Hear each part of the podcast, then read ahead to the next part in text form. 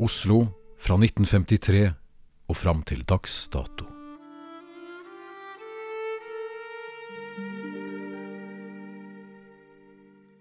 Hver gang de møttes, hadde hun med seg en knitrende papirpose med to ferske solskinnsboller, kjøpt trippene i kø hos baker Samson i Valkyriegaten, før han kom for å hente henne.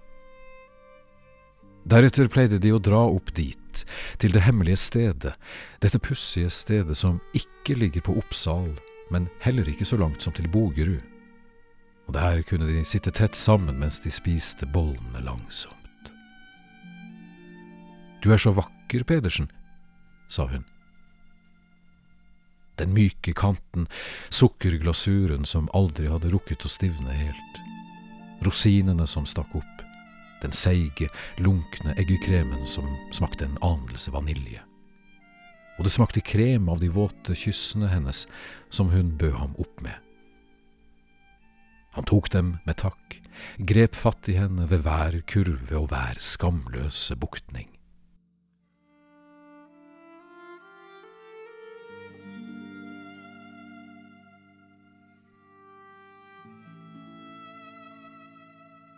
Disse mandagsmøtene var blitt et hellig ritual for dem, og lydene hennes når de elsket, og han husket dem godt og med glede. Lydene som ble kastet tilbake fra steinmuren bak henne, et enstavelses ekko som ble slynget fram og tilbake.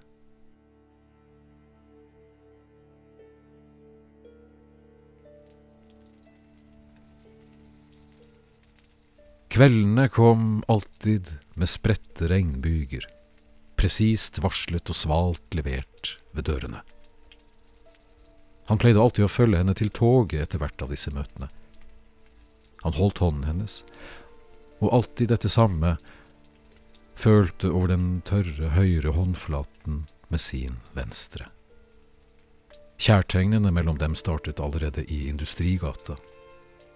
Langsomme strøk, de første strøkene prøvende over korsryggen, før han ble modigere ned Majorstuveien, og hun besvarte ham med å lene hodet på skrå mot skulderen hans i krysset ved Holmbos gate.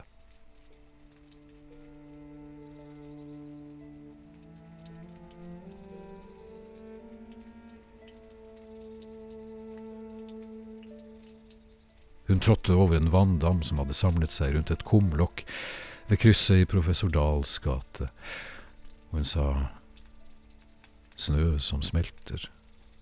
Dette er ikke favorittårstiden min. Han nikket, han visste både det ene og en hel del ting, andre ting, om henne.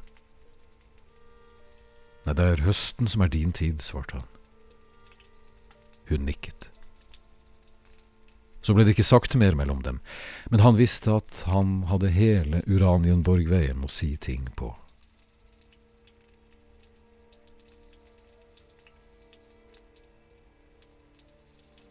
Og det var nettopp der, midtveis, at han stoppet opp, så på henne og sa det, at han fortsatt ville ha henne.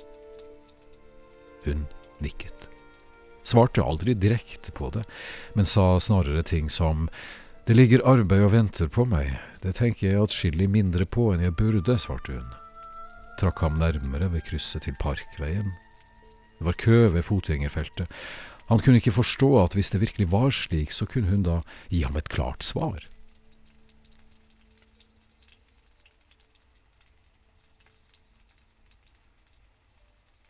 Slottsparken var fuktig, Grus fra Slottsplassen var tråkket helt fra vakthuset til gardistene og inn mot de nederste benkene.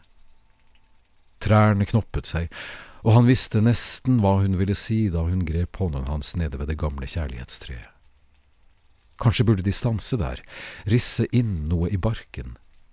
Da ville det vært forpliktende, noe alle kunne se, men hun ville ikke at noen skulle se det.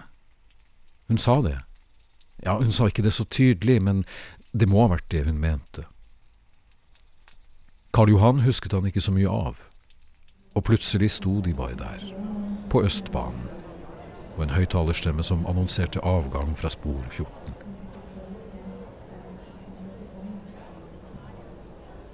Han kunne sagt noe, hun kunne sagt noe, men det som ble sagt, var det eneste riktige, og det var hun som sa det.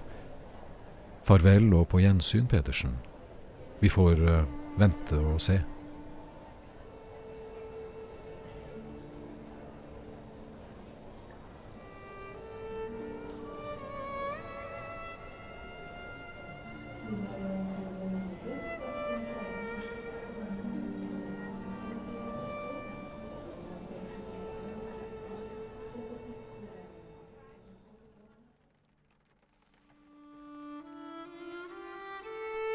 Noen år senere Nei, det hadde ikke gått over.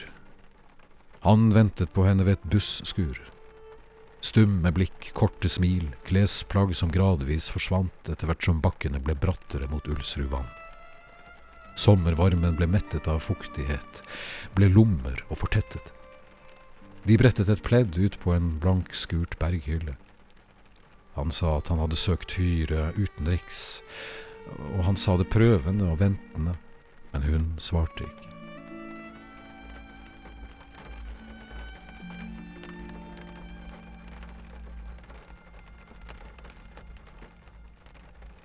Det lydmettede varme regnet trommet regelmessig, monotont og drivende over nuppete, rødbrent hud.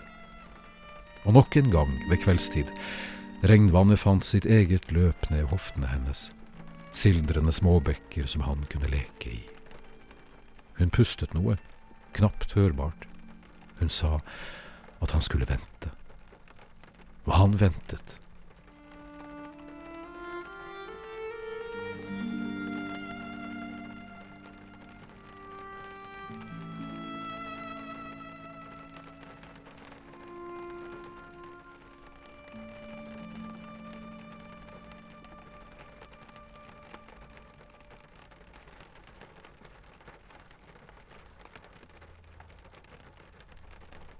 La seg konsentriske vak langs håndflatene, ringer som spredte seg ut i en uro, og han ventet, men han visste ikke på hva, så han spurte er det noe vi venter på. Ja, vi venter vel på bussen tilbake, gjør vi ikke, Pedersen? svarte hun og strøk ham langs kjevene med vante bevegelser etter flere års kjærtegn. En spenning hadde satt seg som et begynnende underbitt, en pussig trekning som han ikke gjenkjente ved seg selv, og han svarte ja, han burde vel ha sagt noe mer om det, men han ventet.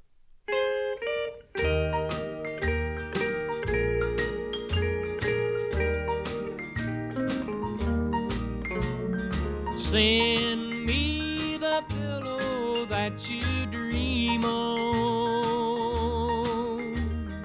Don't you know that I still care for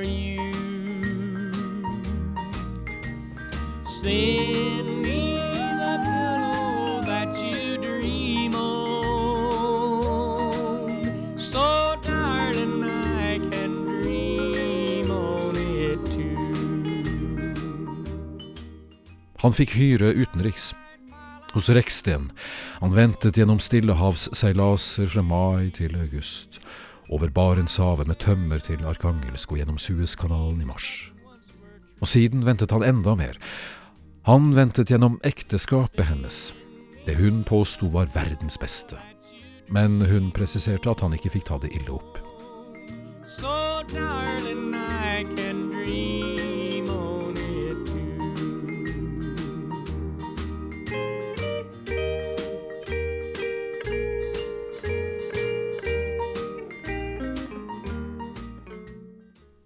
Det ble barn i dette ekteskapet. Han tok heller ikke det ille opp. Det skulle da bare mangle. Hun bød ham hjem til seg ved første anledning, og hun luktet leire og varm eplekake med krem. Og lukten av huden hennes var sår og ru, som om hun hadde skrubbsår. Det smakte jern, som om hun blødde fra et sår som ingen kunne se. Han måtte gå ved daggry. Vi får vel vente og se, Pedersen, sa hun.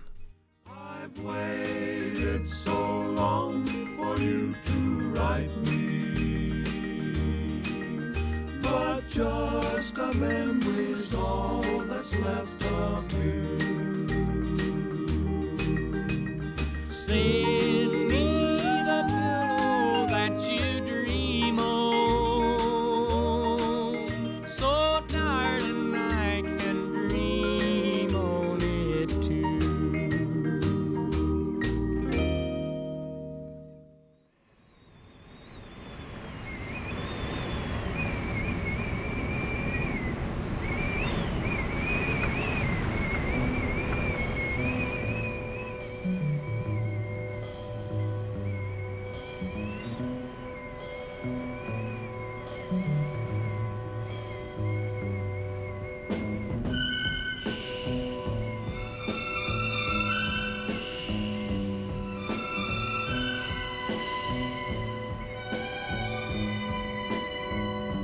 Men selvsagt, han satt jo ikke stille. Selv forsøkte han seg på en vag romanse med en distriktslege. Hun konstaterte raskt at det var noe feil ved ham, men hun ville ikke si noe mer, og han kunne ikke kaste mer lys over saken, ikke ved påsketider da de satt tause på ei tømmerkoie på Hallingskarv og spiste et forpint måltid. Ikke den påfølgende høsten heller, da de hadde sin første krangel om hvorfor han aldri sa noe. Han, han fikk seg ikke til å si noe, verken som svar på den stadig mer pågående jakten på svar fra ham, eller på tausheten som hun la ut som agn etterpå, som han skulle bite på og begynne å si noe. Men han sa jo ikke noe, han gikk bare der og ventet på at noe skulle gå over, og at noe annet skulle dukke opp.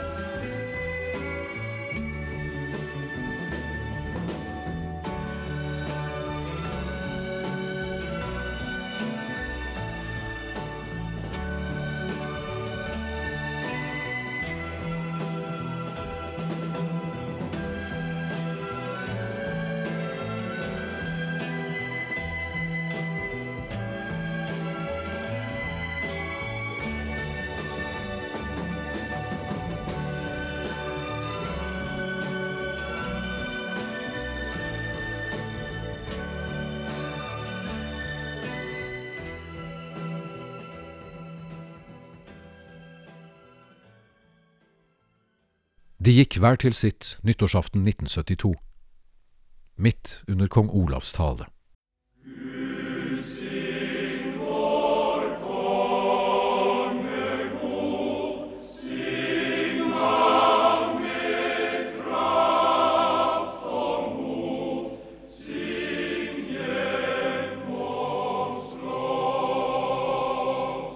Hun ble full, og han var stum.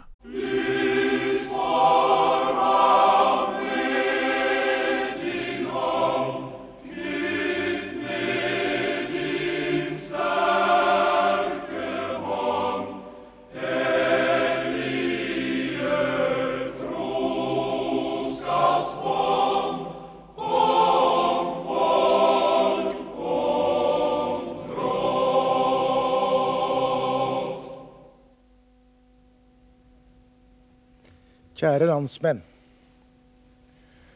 Atter en gang er et år kommet til veis ende, og atter en gang skal jeg, som så mange ganger før på en nyttårsaften, få sende en hilsen til mine landsmenn hjemme og ute. Selv føler jeg at jeg på denne måten, gjennom radio og fjernsyn, får en personlig kontakt med hver enkelt av dere, og jeg skulle være glad om alle dere som hører og ser meg i kveld, deler denne følelsen. Vi setter igjen sluttstrek for et år, og som vanlig prøver vi å se fremover og inn i det nye år for å utforske hva det monn vil bringe oss av gleder og sorger. Alt imens vi samtidig kaster et blikk over skulderen for å gjøre opp en balanse over det gamle året ga oss eller tok fra oss.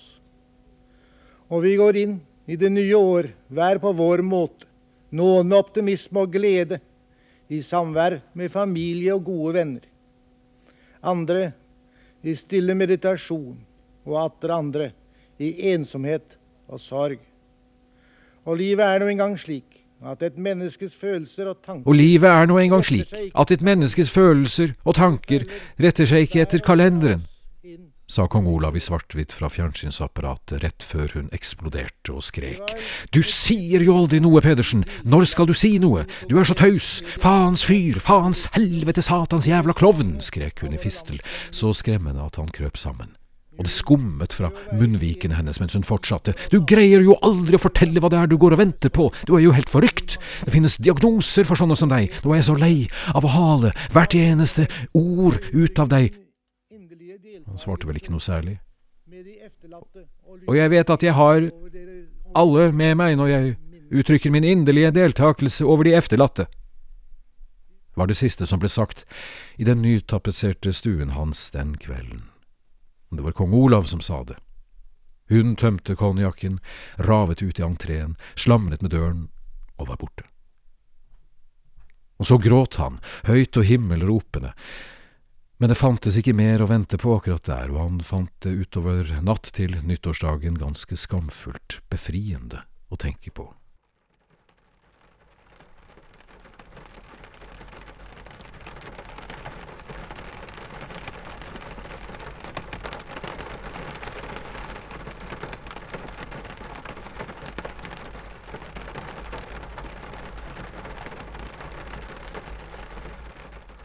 Kom så mange år etter det, og gjennom noen av disse årene slapp trettheten av venting tak.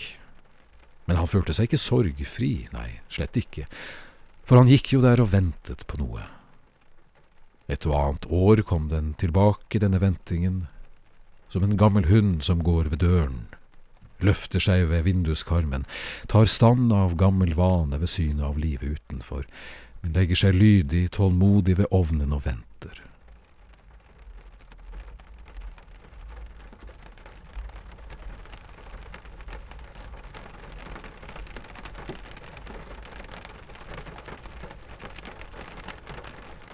Gamle hunder gjør det.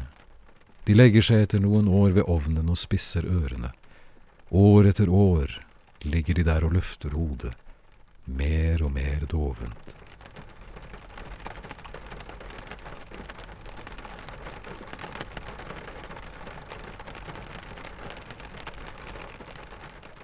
Men så kommer det en dag der selv gamle hunder knapt greier å løfte seg.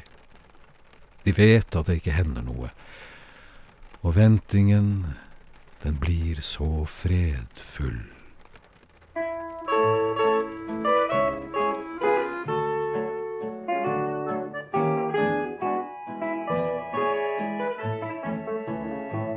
Jeg venter på deg til du kommer, skjønt tiden vil falle meg lang. Jeg venter på deg til du kommer. Det vet du jeg lovet en gang. Jeg drømmer om da vi var sammen, og lever på minner som dukker frem. Jeg venter på deg til du kommer. Jeg venter til du kommer hjem. Jeg er så ensom uten deg. Alt ble så trist da du dro din vei. Men om hverdagen min er grå, vil jeg smile og tenke på at en gang vil jeg komme til deg. Jeg venter på deg til du kommer, skjønt tiden vil falle meg lang. Jeg venter på deg til du kommer, det vet du jeg lovet en gang. Jeg drømmer om da vi var sammen, og lever på minner som dukker frem. Jeg venter på deg til du kommer. Jeg venter til du kommer hjem.